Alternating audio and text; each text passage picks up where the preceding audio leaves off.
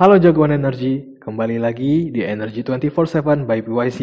Kali ini kalian bersama saya, Razin, yang akan membawakan berita di sektor energi untuk satu minggu ke belakang. Berita pertama dari harga komoditas energi. Untuk komoditas minyak bumi, harga rata-rata Indonesian Crude Price atau ICP di bulan Mei 2020 tercatat di level 25,67 US dollar per barrel. Sedangkan harga rata-rata Brent crude oil di bulan Mei 2020 berada di level 29,38 US dollar per barrel. Untuk periode 5 sampai 11 Juni, harga Brent crude oil cenderung turun di kisaran 38 sampai 42 US dollar per barrel. Untuk komoditas LNG juga mengalami penurunan dari bulan Mei ke bulan Juni. Untuk LNG Asia, harganya di harga 1,97 US dollar per MMBTU, untuk Eropa 1,57 US dollar per MMBTU, Latin Amerika di 1,7 US dollar per MMBTU dan harga rata-rata global juga mengalami penurunan menjadi 1,75 US dollar per MMBTU. Kemudian untuk komoditas batubara, harga batubara acuan Indonesia di bulan Mei sebesar 61,11 US dollar per ton dan turun di bulan Juni menjadi 52,98 US dollar per ton.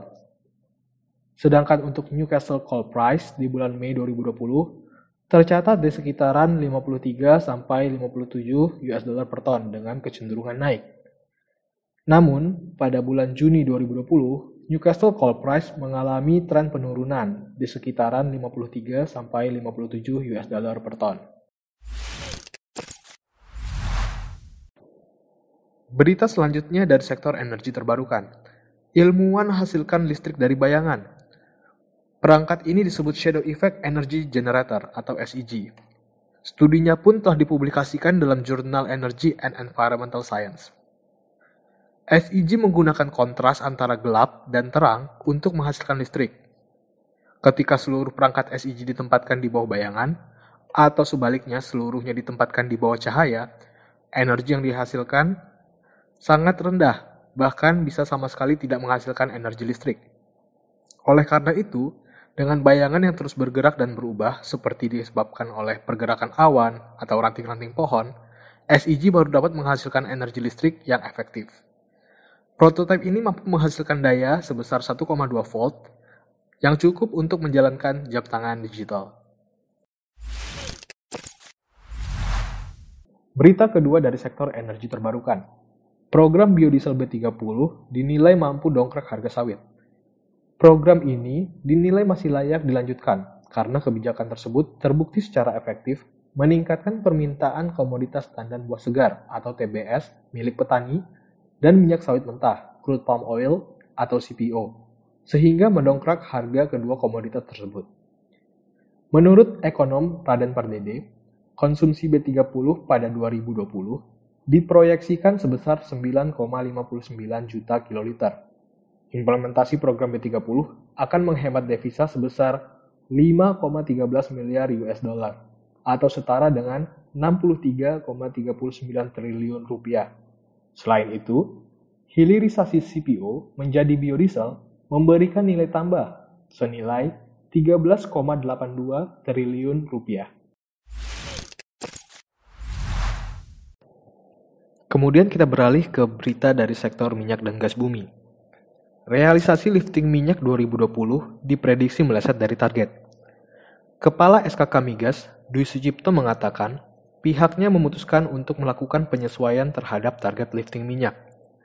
Dari target APBN sebesar 755.000 barrel oil per hari menjadi 705.000 barrel per hari, atau pengurangan sebesar 50.000 barrel per hari. Realisasi investasi sektor hulu migas juga diproyeksi meleset dari target awal sebesar 13,8 miliar US dollar menjadi 11,8 miliar US dollar. Selain itu, produksi gas juga diproyeksikan meleset hingga 15% karena penyerapan gas oleh pembeli menurun akibat pandemi COVID-19.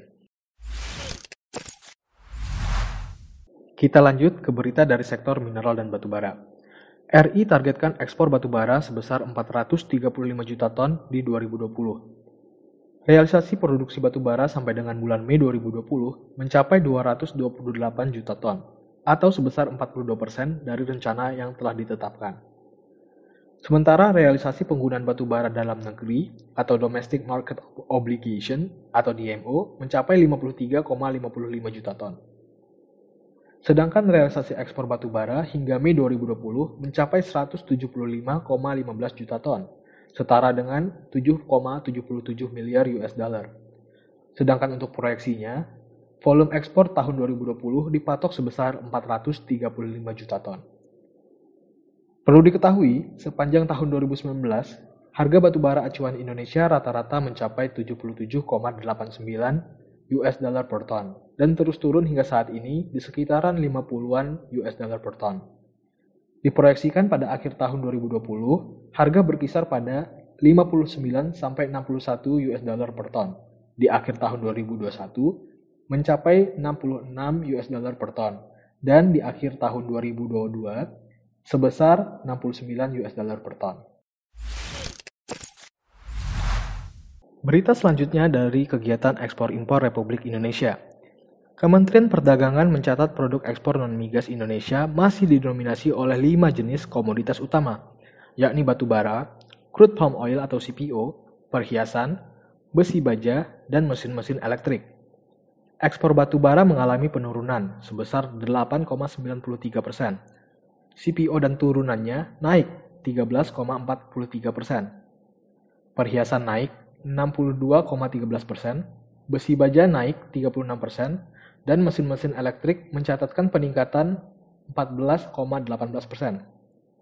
Di sisi lain, kinerja impor periode Januari-April 2020 telah membukukan nilai 39,1 miliar US dollar atau turun 3,7 persen dari total impor Januari-April 2019 di angka 40,7 miliar US dollar. Impor tersebut terdiri atas produk migas yang meningkat sebesar 12,18 persen menjadi 5,3 miliar US dollar dan produk non-migas yang turun 5,8 persen atau 33,8 miliar US dollar. Sekian berita dari sektor energi untuk satu minggu terakhir. And stay tuned on our social media karena kita akan mengadakan acara yang sangat menarik minggu depan. See you next week.